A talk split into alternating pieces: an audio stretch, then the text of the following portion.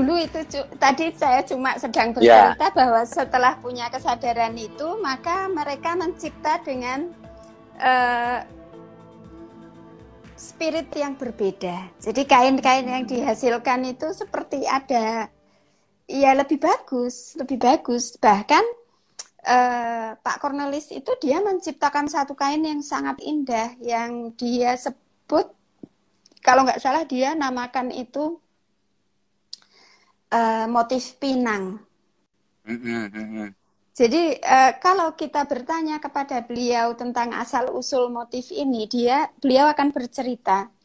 Suatu hari dia sedang ngobrol dengan beberapa rekan uh, dan kalau di Sumba itu kan selalu kita disuguh dengan keping-keping uh, keping-keping pinang gitu. Ah, ya. Nah, ka ah, ah. kalau kita perhatikan penampang keping pinang itu, dia seperti bunga, seperti bunga markisa hmm. sebetulnya.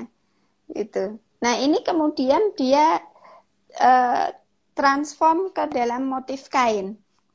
Hmm, hmm, hmm, Tapi dengan warna-warna Sumba yang biru merah ini. Hasilnya indah sekali, indah sekali. Dan itu ciptaan baru. Nah, menurut itu, itu, itu udah itu udah termasuk sudah termasuk sekarang ini ya. Iya, Atau, jadi pasca nah, penelitian okay. itu, pasca ya, penelitian ya, ya. itu saya memperhatikan ada dua kain yang untuk saya luar biasa dihasilkan di desa ini. Dua, uh, yang satu pen, satu penenun namanya dia, satu desainer namanya Pak Titus. Beliau kemudian menciptakan kain yang menceritakan. Jadi dia membawa dia me, mengambil approach, mengambil pendekatan bercerita. Dia kemudian mem, membuat kain yang menggambarkan asal usul orang Sumba. Jadi folklore cerita rakyat tentang asal usul orang Sumba itu dia kemudian melalui bawa ke tenun kain. ya, ya, ya, ya. Uh, uh, uh, uh.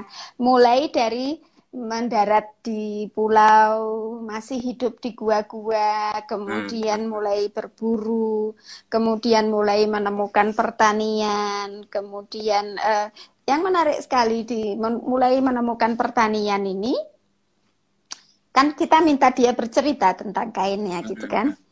Di situ justru gambarnya tarik tambang gitu loh. Hmm. Hmm. Apa ini gitu? Ternyata tarik tambang itu adalah upacara minta hujan. Hmm, hmm, hmm. Ya, jadi ya. dari kain itu kita kemudian bisa masuk ke dalam kebudayaan itu untuk mengenali berbagai hal yang lain gitu kan. Jadi uh -huh. upacara minta hujan gitu. Terus kemudian juga menenun, mulai menenun gitu sampai masuk agama Kristen gitu kan. Yeah, ya. ujung yeah. ujung ujung paling ujungnya dia bercerita begini. Nah paling ujung sebelah sini itu adalah sepasang suami istri pergi ke gereja dengan naik sepeda motor. Ya, ya. Jadi, tapi tetap uh, itu keren uh, sekali sebagai yeah. sebuah sebuah ekspresi kesenian sebetulnya itu sebagai adalah, et, adalah et, et, etnografi sebagai etnografi apa visual ini et, etnografi visual sekaligus menurut saya sih hmm. sebetulnya itu visual art Ya, ya, bahwa ya, itu ya. adalah folk art, itu adalah visual ya. art yang berstandar tinggi, yang sangat berkelas gitu. Nah, kalau yang Pak Cornelis tadi dia mengambil pendekatan uh, menyampaikan values, menyampaikan hmm. filosofi, karena Pinang itu syarat dengan filosofi-filosofi asli Sumba Timur gitu dan asli hmm. banyak tempat di seluruh Nusantara gitu.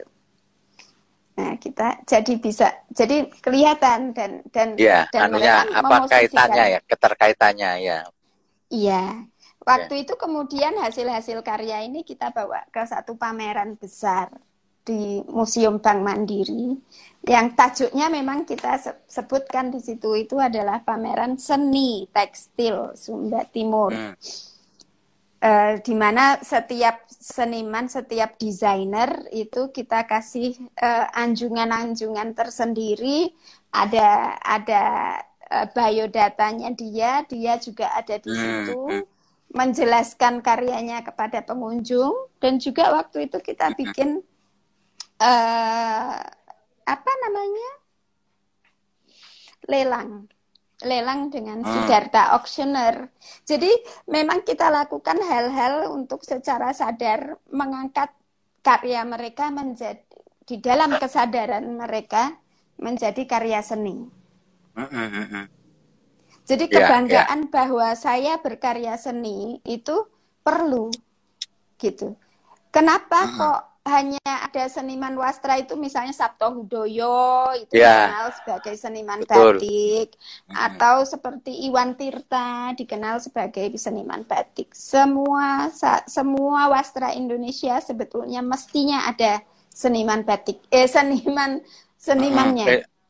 Uh, uh, uh. Yang sekarang pun dianggap seniman yang karyanya sekarang hadir di Museum of Modern Art di seluruh dunia itu hmm. sebetulnya satu hal yang sangat perlu. Iya, iya. Dan dan itu hanya akan bisa diwujudkan jikalau kita mengubah cara pandang kita terhadap wastra ini dia bukan barang antik. Terlalu banyak pencinta wastra menurut saya masih mem memakai cara berpikir kaum orientalis. Jadi hmm. sampai tahun hmm. 80-an, 90-an ada eksotisme yang luar biasa yang akan itu, itu termaktub, uh -huh. termaktub pada sebuah kain yang kita harus hunting dan kain hmm. ini adalah kainnya raja apa dan sebagainya dan seterusnya. Yeah itu di satu sisi menggoreng harga menjadi sangat besar, tapi di sisi lain dia juga menghilang, maksudnya mencerabut kain-kain ini yeah. dari as tempatnya. Sedih yeah. sekali loh kita kalau misalnya ke NTT itu, apalagi kalau ke pedesaan itu, kain-kain kunonya itu banyak yang dijual. Iya, sudah di ini sama para pecinta barang kuno itu. Iya, padahal kalau itu misalnya dijadi, kalau desa-desa punya museum tekstil kecil, terutama di NTT itu di mana sebetulnya seni tekstil masih cukup hidup, harusnya desa-desa itu punya museum-museum tekstil hmm. yang ya. dikurasi yeah. dengan sangat baik karena itu akan mengilhami anak-anak mudanya gitu yeah, dan dan, dan harus harus dilindungi oleh negara. Iya, iya itu penting banget. Nah itu itu nggak ada gitu. Ya ya kita berpacu dengan waktu, tetapi saya kira semakin ke sana itu yang harus kita lakukan.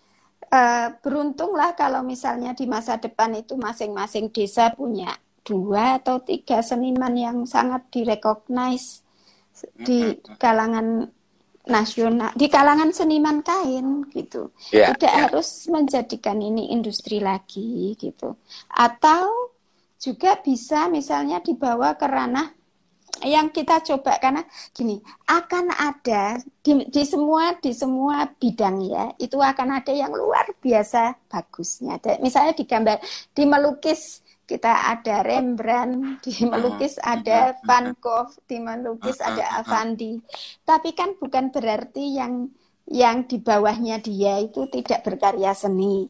Yang di bawahnya dia juga berkarya seni, cuma mungkin mesti dibukakan ya. Uh, ranah ekonomi yang lain gitu. Misalnya yang co kita coba itu sekarang sedang mencoba menjahitkan antara desainer kain dengan desainer hmm. fashion dengan yeah. pemakainya gitu loh. Jadi bagaimana sih sebetulnya Indonesia itu saat ini itu ada pada posisi yang sangat bagus kalau masih bisa menjaga uh, artisan-artisan tenunnya itu untuk terus hidup.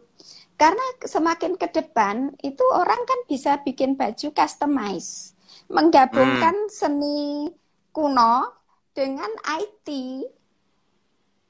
yeah, dan ya. internet yeah. gitu kan ya. Bisa.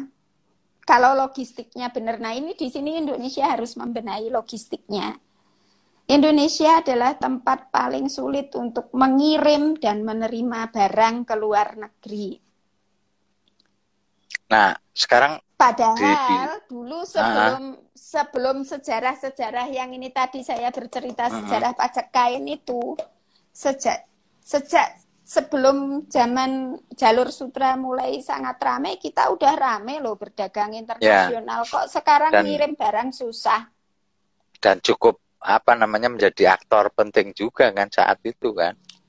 Betul. Dalam kita sekarang urusan harus ekspor itu. Oke, okay, nah sekarang gini, ini kita ngomong soal tadi ya, ngomong soal artisan ini, soal art. Nah, hmm. kan sama ya seperti di Jawa gitu kan dulu kita juga juga apa khawatir nih wayang ini bisa hilang nih dengan dengan budaya-budaya yang lain yang ada. Tapi ternyata juga al, alam juga memutar juga tiba-tiba juga ada saat-saat yang tiba-tiba banyak lagi sekarang penggemar wayang gitu mbak kayak gitulah. Nah sekarang di dunia wastra ini kayak apa ini mbak? Kecuali, se seperti yang tadi seperti yang tadi juga lahir di Sumba Pak siapa tadi dan sebagainya kayak apa nih perkembangannya perkembangannya sebetulnya kebangkitan wastra Nusantara itu menurut saya cukup bagus loh dalam hmm. beberapa tahun terakhir. Nah, COVID ini pasti bikin masalah. Maksudnya bikin ya, COVID pastilah. ini mengandung banyak sekali ya. tantangan buat mereka. Tetapi tantangan itu juga mengandung banyak kesempatan. Jadi ya. tantangan masalahnya adalah bahwa tantangannya itu semuanya titik lemah Indonesia yang paling serius, logistik. Hmm itu tantangannya. Kemudian uh, kebijakan kebijakan untuk ekspor impor hmm. itu hmm. sangat uh, favoring ya, sangat ini pada yang mampu besar-besar gitu loh. Hmm, betul, Misalnya betul. ya kalau ke, uh, pewarna-pewarna alam itu kan sudah juga diproduksi secara modern di luar negeri gitu. Artinya kalau di Indonesia ini ada orang atau anak muda misalnya yang dia mendalami tenun dan ingin hmm. mengembangkan tenun sebagai sebuah seni uh, kriya modern, sah saja dia sebetulnya mengimpor mengimpor bahan-bahan warna alam yang tinggal siap pakai gitu. Tapi mengimpor itu untuk dia akan jadi sangat mahal. Betul. Karena nah, aturan-aturan itu. itu gitu loh. Nah, kalau seperti itu kemudian dia tidak akan bisa bersaing dengan seniman seniman kain muda di Jepang misalnya atau yeah, di yeah. Uh, Eropa atau di Amerika. Di seluruh dunia sekarang itu seniman-seniman muda di bidang wastra ini banyak sekali bermunculan gitu loh. Nah, eh, persaingan di sana akan sangat ditentukan oleh kemampuan untuk bisa juga memproduksi dengan cukup cepat untuk pelanggan-pelanggannya.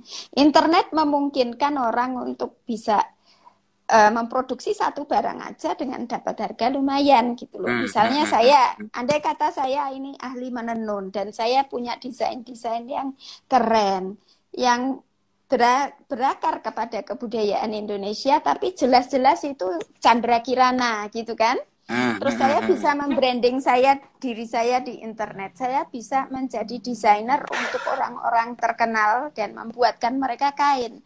Jadi fashion itu tidak harus mulai pada desain baju. Bisa ditarik mundur menjadi desain kain. Bahkan sebetulnya bisa ditarik mundur lagi pada desain benang. Ya. Nah, ketika kita bicara benang ini menarik. Ke pengembaraan benang. Indonesia ini punya jutaan penenun, punya ratusan tradisi kain, tetapi 99% benang yang mereka pakai impor iya. gitu loh. Hmm. Padahal Indonesia sendiri itu secara agroekologi cocok sekali untuk banyak sekali serat, yeah, jenis yeah. serat. Ini yang mesti kita hmm. kembangkan. Peneliti-peneliti lain dari negara lain datang ke Indonesia. Saya tahu persis Jepang sekarang sedang sibuk mengeksplor kapok hmm, di yeah. Indonesia untuk menjadi pengganti bahan denim loh. Hmm, hmm, hmm. Kapas itu kan sekarang dianggap sebagai salah satu crop yang paling banyak pakai pestisida dan paling banyak pakai air.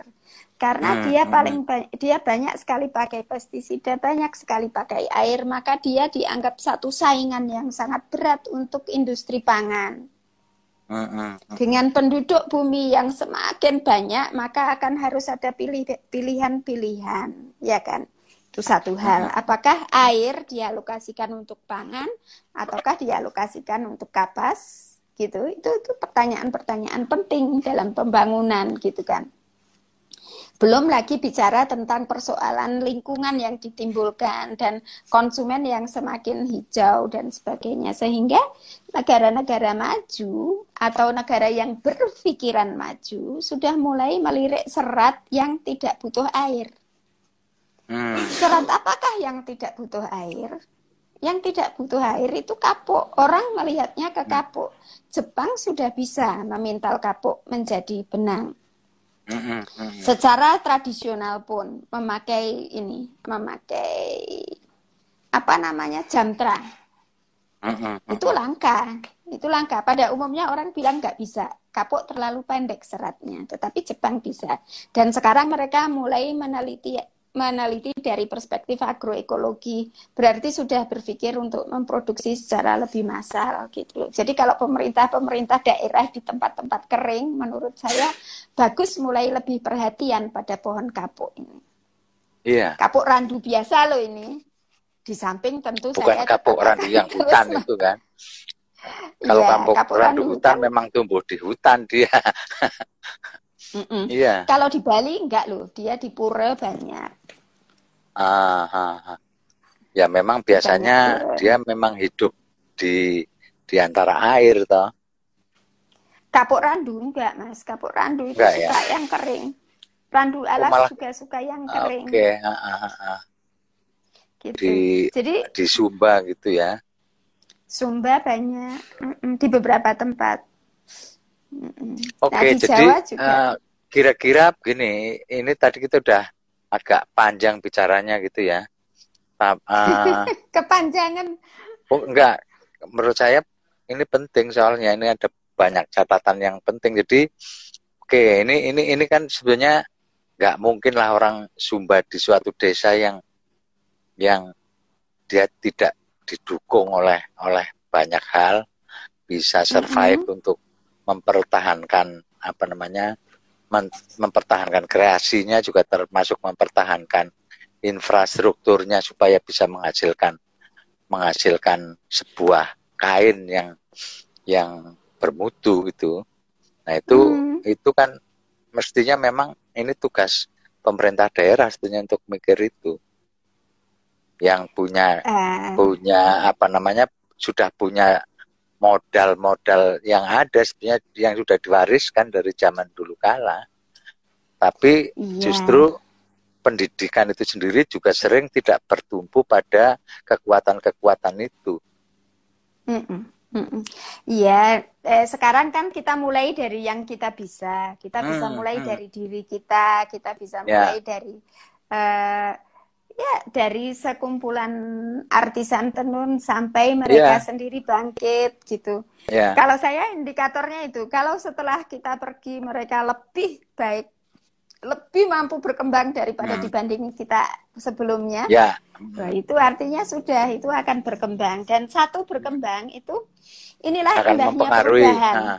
Ya, ya, ya indahnya ya. perubahan adalah dia kemudian mempengaruhi gitu. Satu contoh lagi eh, ibu-ibu uh, di Sumba yang uh, mulai bisa pakai uh, smartphone, mulai hmm. bisa berkomunikasi langsung dengan pelanggan pakai WhatsApp gitu ya, hmm. uh, mulai bisa bisa kita ajarkan untuk memotret karyanya gitu itu udah satu hal kemajuan. Nah, itu nanti pelan-pelan. Tapi sandungan yang paling besar sekarang adalah logistik. Mengirimkan barang dari Sumba ke Sydney atau mengirimkan barang ya. ke Sumba. Ya, kalau itu kalau mahal sekarang sekali. saya kira semua lah ya. Ini hmm. udah semua mengalami itu. Nah, kalau ini kita ngomong ke daerah NTT sana ya ketika saya jalan dulu tahun ya tujuh bulan, delapan bulan itu kan masih belum banyak teman-teman apalagi orang-orang terkenal yang mau jalan ke sana gitu loh. Sekarang kan kayaknya udah banyak nih Pak artis-artis pada ke sana. Terus banyak orang shooting juga milih ke sana. Dulu kan nggak ada yang mau jauh. Iya, itu pengaruhnya itu... kayak apa nih umpamanya artinya terkait dengan dengan apa yang diomongkan Mbak Gigi tadi. Zaman saya ke sana ini... belum banyak orang. Nah, itu pengaruhnya selalu setiap hal, setiap hal itu ada hmm. pengaruh positif, ada pengaruh negatifnya. Itu pentingnya berkesadaran toh. Kalau kita hmm. berkesadaran, kita kemudian bisa menyaring, mengambil manfaat positifnya dan meninggalkan uh, meninggalkan bagian negatifnya gitu. Itu pentingnya kesadaran. Ketika orang berbondong-bondong ke, ke, datang ke Sumba, kemudian membeli, memborong ini dari hmm.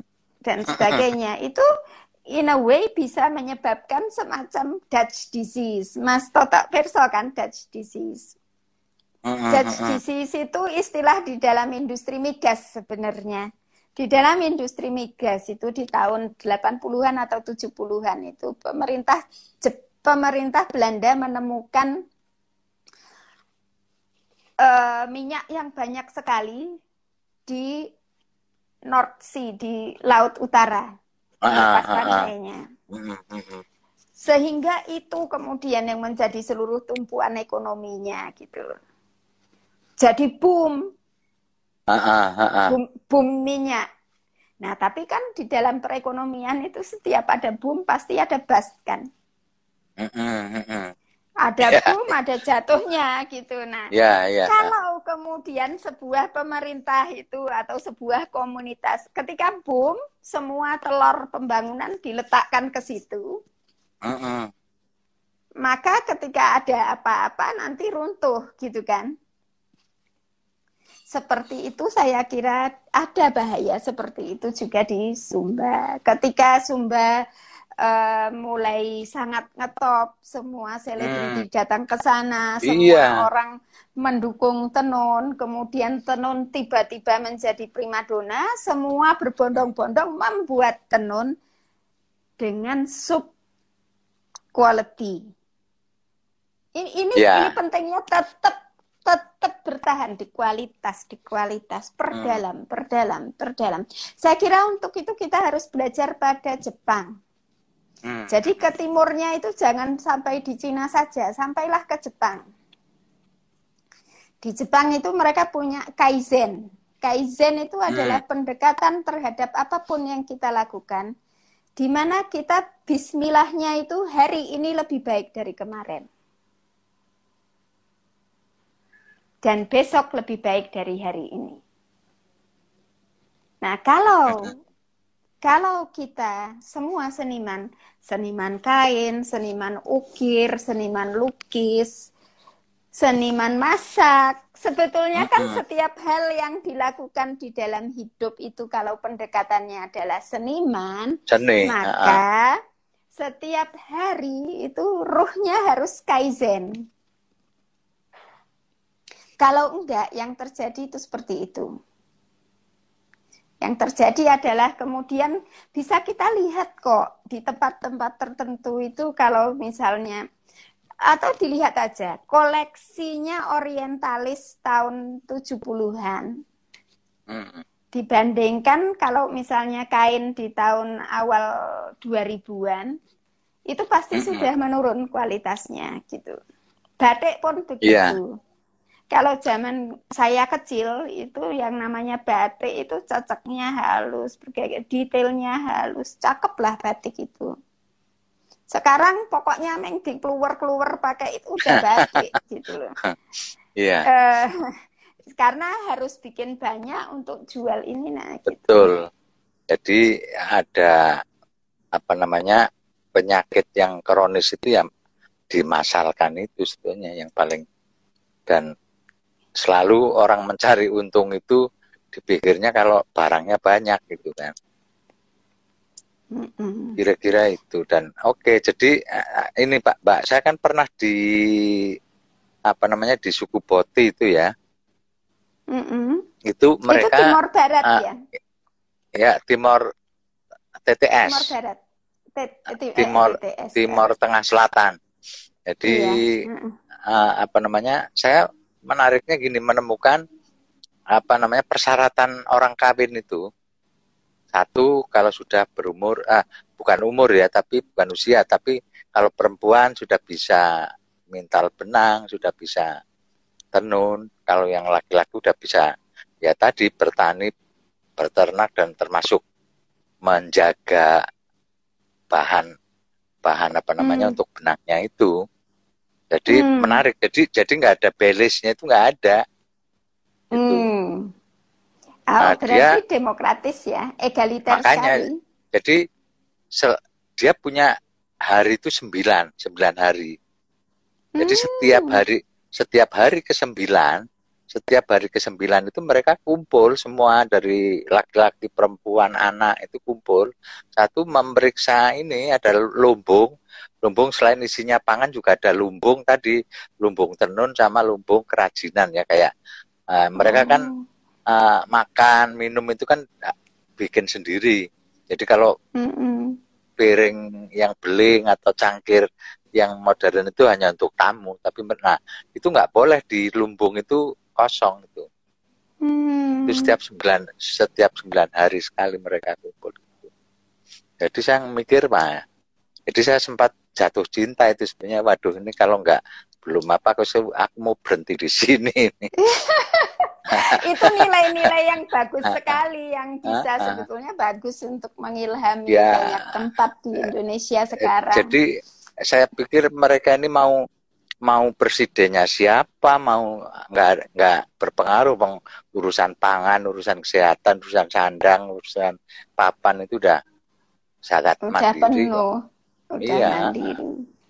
iya nah dan iya. ya itu syaratnya tadi harus menjaga tanaman-tanaman yang jadi kapas dan pewarna itu di ini urusan laki-laki nih mesti tugasnya itu. Nah syarat hmm. syarat perkawinannya itu itu hmm. beda dengan NTT pada umumnya yang pakai belis itu kan. Nah nggak hmm, ada di, di saya hanya menemukan satu-satunya suku yang nggak pakai belis itu di shot di boti itu. Dimboti. Kalau nggak salah hmm. itu juga salah satu tempat di mana tenunnya saya nggak bisa saja saya salah tapi saya ingat bacaan saya karena hmm. motif ini untuk saya juga menarik karena dia ada hampir di seluruh Nusantara dari ber, hmm. dari Palembang sampai Timor ya. Leste yeah. gitu tapi uh-huh. ada satu tempat di di timur bagian Indonesia yang kekeh tidak menerima itu. Jadi ini ini padahal masuknya kan udah dari ribuan tahun yang lalu ya.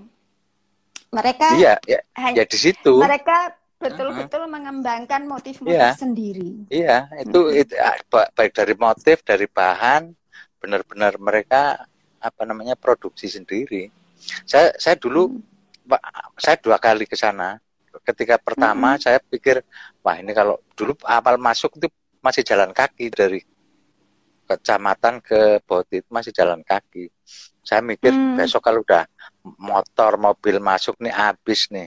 Nah, habis. yang kedua aku udah naik mobil ke situ. Masih utuh. Masih utuh. Oh, nih. masih dijaga. Iya. Jadi ya hmm. kalau di bawah buminya nggak ada tambang apa-apa saya kira mereka masih bisa hidup panjang lah. Tapi kalau ada tambangnya ya nggak tahu gitu. Ini bicara tambang ini, ini sebenarnya ya kenapa saya mengembarai tekstil, mengembarai mulai mem memikirkan cultural heritage. Karena semua persoalan di dunia sekarang adalah karena proses produksi dan konsumsi hmm. Itu hmm. bertumpu kepada perilaku atau pendekatan ekstraktif mengeruk mengeruk ya. mengeruk gitu kan nah sebenarnya kita bisa mulai lebih berpendekatan regeneratif hmm. membiarkan alam tumbuh kembali kita memang mengkonsumsi dari alam tetapi kalau kita secara bijaksana dan kreatif memakai memanfaatkan yang ada di alam dengan pendekatan yang regeneratif itu bisa Nah, mereka yeah. ini sebetulnya adalah suku Mboti ini berarti sebetulnya nilai-nilainya regeneratif. Hmm, Selalu hmm, hmm. membiarkan alam itu beregenerasi kembali. Yeah. yeah. hidup kembali, hidup kembali gitu. Nah, ekstraksinya harus kita tinggalkan. Memang pembangunan berkelanjutan itu kan begitu. Kalau sekarang itu pembangunan itu uh, revenue bisa tinggi, kalau ekstraktif ekstraksi juga tinggi, yeah. ini harus dihilangkan revenue harus yeah. tinggi ini dengan mm-hmm. kreativitas. Jadi jangan mengekstraksi bumi, tetapi mulai mengekstraksi isi kepala dan isi hati ini untuk untuk yang mencipta. yang jelas gini orang body itu terbuka, nggak artinya siapa aja bisa masuk ke sana, tapi dia nggak mau diatur itu aja. Saya pas di sana hmm. kebetulan ibu bupati datang gitu mau bikin program PKK apa gitu ya. Oke, mau bikin kebun, oke tinggal aku mesti tak lakukan tapi nggak usah diatur. Nanti kalau panen aku antar gitu loh. Jadi nggak mau diatur dia. Bagus. Bagus jadi, sekali. uh, ya apa namanya mereka punya sistem pendidikan sendiri ya itu tadi yang saya katakan bahwa tenun itu juga bagian dari pendidikan hidup mereka gitu loh tenun dari A sampai Z dari bahan sampai itu udah bahan pendidikan mereka gitu jadi hmm. ternyata anak-anak yang disekolahkan keluar itu hanya dijadikan spionase aja, dijadikan mata-mata gitu loh. Apa sih yang terjadi hmm. di luar hmm. sana gitu. Hmm. Jadi apa namanya ya mereka harus keluar, cuma kadang-kadang dipanggil gitu loh. Terakhir ke sana kapan, Mas Toto? Ya 10 tahun yang lalu lah. Aku dua kali dan cukup. Dilihat. Aku dua kali di sana dan saya tinggal cukup saya tinggal cukup lama ya kalau yang pertama dua hampir sebulan yang kedua mungkin sekitar 10 hari lah jadi hmm. kalau tamu ya dia disuruh tinggal di rumah khusus tamu nanti makan minum di di gilir mereka yang nganterin gitu loh hmm. dan saya saya sudah lihat dua ini rajanya udah ganti sekarang udah anaknya yang pertama saya juga hmm. sempat ketemu gitu dan dan saya lihat nggak ada perubahan-perubahan yang signifikan gitu. itu aja kalau saya sih lihat sepanjang di perut bumi yang dia hidup itu nggak ada apa-apa ya mungkin bisa panjang lah kalau ada emasnya atau ada apanya ya nggak tahu gitu tapi ya bagus kalau masuk ke sana sangat hijau mbak apa namanya hmm. semua apa namanya terawat betul gitu Makanya kan rambutnya panjang laki-laki. Hmm. Itu sama tidak boleh memotong rambut, sama tidak boleh memotong pohon. Oh. Ya ada aturan lah motong itu. pohon itu ya hanya untuk ada. kebutuhan bikin rumah atau apa itu itu pun diatur gitu loh. Gimana Mbak? Ada bukunya enggak? Uh, saya lihat belum tapi udah banyak orang nulis ya. Kalau di artikelnya tentang, banyak ya. ah, tentang suku Poti, hmm. tapi buku saya belum belum lihat betul gitu. Dan sekarang udah mulai. Dulu waktu saya ke sana itu uh, belum banyak orang masuk, tapi sekarang hmm. kayaknya udah banyak orang bikin film juga ke sana. Nah, hmm. cuma saya lebih tenang. Wah, ini orang ke sini. Saya yang kedua itu dengan National Geographic sana ngajari oh. motret. Wah, aku oh. mikir, wah ini sama aja riset visual ini aku bilang kan. Orang di, orang dikasih apa namanya kamera suruh motret sendiri, suruh motret. Ternyata saya tadinya khawatir ya setelah itu saya baru menemukan banyak informasi-informasi penting yang tidak boleh di disampaikan sembarang orang. Jadi hanya orang tertentu saja. Jadi susah hmm. kalau mau ngorek barang-barang yang yang penting apa gitu agak susah gitu. Nah ini bisa saya pikir wah ini bisa cuma mereka tidak tertutup nggak menolak orang luar enggak. Bahkan seandainya hmm. saya di sana kawin dengan orang sana oke okay, tapi harus ikut aturan di sini. Mereka. Hmm. Hmm. Ya hmm. anunya tentunya agak agak unik ya artinya kalau menurut saya sih ya ya ciri Timor lah ya anunya hmm. Timor gitu.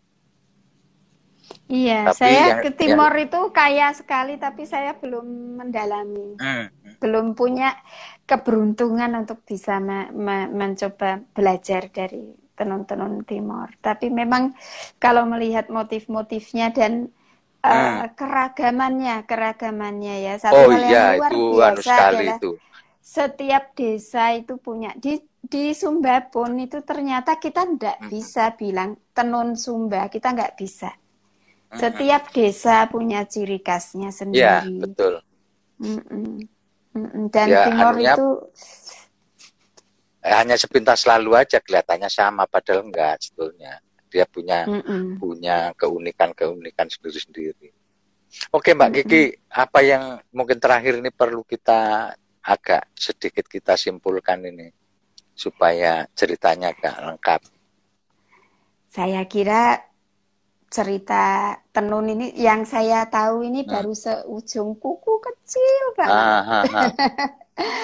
uh, dan anak-anak uh, muda, kaum muda itu saya kira bagus untuk belajar intergenerasi ya. Hmm, hmm, hmm, itu penting sekali. Tadi ketika kita bicara motif di Sumba itu generasi yang sekarang sudah dewasa dan menghasilkan bertanya kepada generasi-generasi yang lebih tua.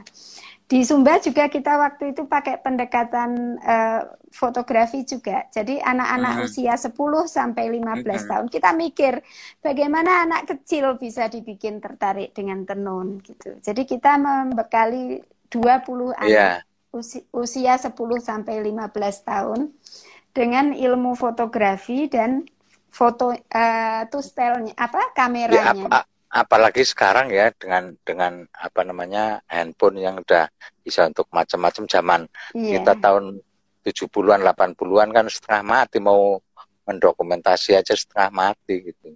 Iya. Dan kalau Jadi sekarang mestinya uh, bisa. Ya. Nah, tetapi pendekatan metodologis dan ah, ilmiah ini penting ya. gitu loh. Bukan apa bukan bukan menara ya. gading sih, tetapi pendekatan. Ya. Pendekatan untuk bisa menganalisis secara kritis, me, me, me, memahami ketika oh ada pola-pola begini, oh ini kira-kira artinya apa.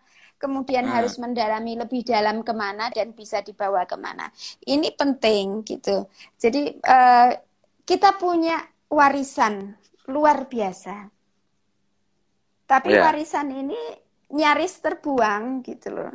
Mari kita hentikan membuang warisan ini, mari kita ambil dan kita rawat karena dia yang bisa menjadi modal bagi kita untuk untuk menjadi bangsa yang yang ini lagi gitu loh, yang yang yang mempengaruhi kebudayaan. Hmm, hmm, hmm global lagi gitu loh. Jadi kan iya. uh, sebenarnya nilai dari sebuah bangsa itu GDP-nya ataukah ataukah uh, sosok budayanya sih gitu. Iya. Saya, Ini yang saya, barangkali kira, uh, baik kita renungkan semua mungkin kita juga agak mungkin Mbak Kiki aku yang eh, masih rajin-rajin ngulik bacaan-bacaan itu kayaknya perlu ngulik negara Butan itu kayak apa tuh sampai mungkin juga sampai ke produksi kainnya kayak apa Iya. itu menarik itu negara kecil yang mencoba untuk menghargai ekosistem kehidupannya dan cukup cukup menarik. Mereka kan nggak ikut MDGs, nggak ikut apa, tapi dia bikin indeks sendiri ya. Salah satunya yang dikenal bahwa indeksnya adalah bahagia. Index index of happiness mereka pertama kali ah, menghasilkan ya. index of happiness. Sebenarnya mereka itu juga mengkonsumsi seperlunya. Ya, nah, ini ya, menarik. Ya. Menarik uh, sekali. Beberapa waktu lalu saya ngobrol dengan teman, dia profesor di bidang sustainable textile dari Jepang, mm-hmm. dari Jerman, dan dia bercerita sekarang itu melalui big data, melalui algoritma-algoritmnya, industri tekstil sedang mulai mencari cara untuk memproduksi just enough. Seperti saya katakan sebetulnya di, hmm. di ini. Ya, ya. just enough. Nah, just enough ini kan sebetulnya adalah uh, kalau orang Jawa bilang sak matio. Ya ya. Sak perlu lah sak. Ya ya sak matio -hmm. itu yang paling tepat itu sak matio jadi tidak buang-buang tetapi cukup gitu. Nah, industrialisasi modern sekarang itu tidak paham artinya cukup. Hmm, hmm. Jadi saya ya. kira untuk untuk tekstil untuk ini jadi untuk konsumsi yang material itu harus ada cukupnya. Tetapi hmm. untuk konsumsi uh, batiniah, kreativitas, spiritualitas, ya. kebudayaan itu yang kita harus mencoba gayuh lintang. Hmm. Gitu. Makanya itu, mungkin, itu mungkin nama kira... merde, de, desa itu kan desa itu kan dari merdesa. Hmm. Itu ternyata artinya? artinya artinya itu adalah sejahtera dan patut Hmm. Nah, kepat, kepatutan itu kan ya tadi sak madyo ya bukan mengeksploitasi, bukan apa namanya mengeruk tadi. Jadi itu hmm. merdesa dari kat, hmm. dari asal katanya dari merdesa itu. Tapi saya nggak anti high tech ya. High tech itu boleh. Lo iya. Lo, lo, lo itu teknologi itu kan bagian cuma kan kembali lagi kembali lagi teknologi ini bukan alat untuk untuk me mengeksploitasi, bukan alat yeah. untuk merusak. Gitu. ya kan orang hidup juga mencipta. iya dong. Mm -mm. Kita kan juga mm butuh juga, nggak ada masalah. Oke ya Mbak, Mbak Kiki ya, saya iya. kira ini juga saya juga upaya-upaya mendokumentasi yang bisa ini, mumpung ada kesempatannya dan ini besok juga saya akan ngobrol lagi dengan Ibu Retno ini karena yang oh, itu iya. kita nggak punya nggak bisa di save dulu. Nah ini lumayan nih bisa di save semua bisa didokumentasi. Kira-kira begitu ya Mbak Kiki ya. Terima kasih banyak. Ya yeah. juga saya terima kasih kepada teman-teman yang sudah ikut bergabung Hadir, di sini. ikut. semoga ada manfaatnya untuk teman-teman yang lain. Oke terima kasih banyak Mbak Kiki. Sampai ketemu lagi. Ya Nggih, matur nuwun. Oke, matur nuwun. malam.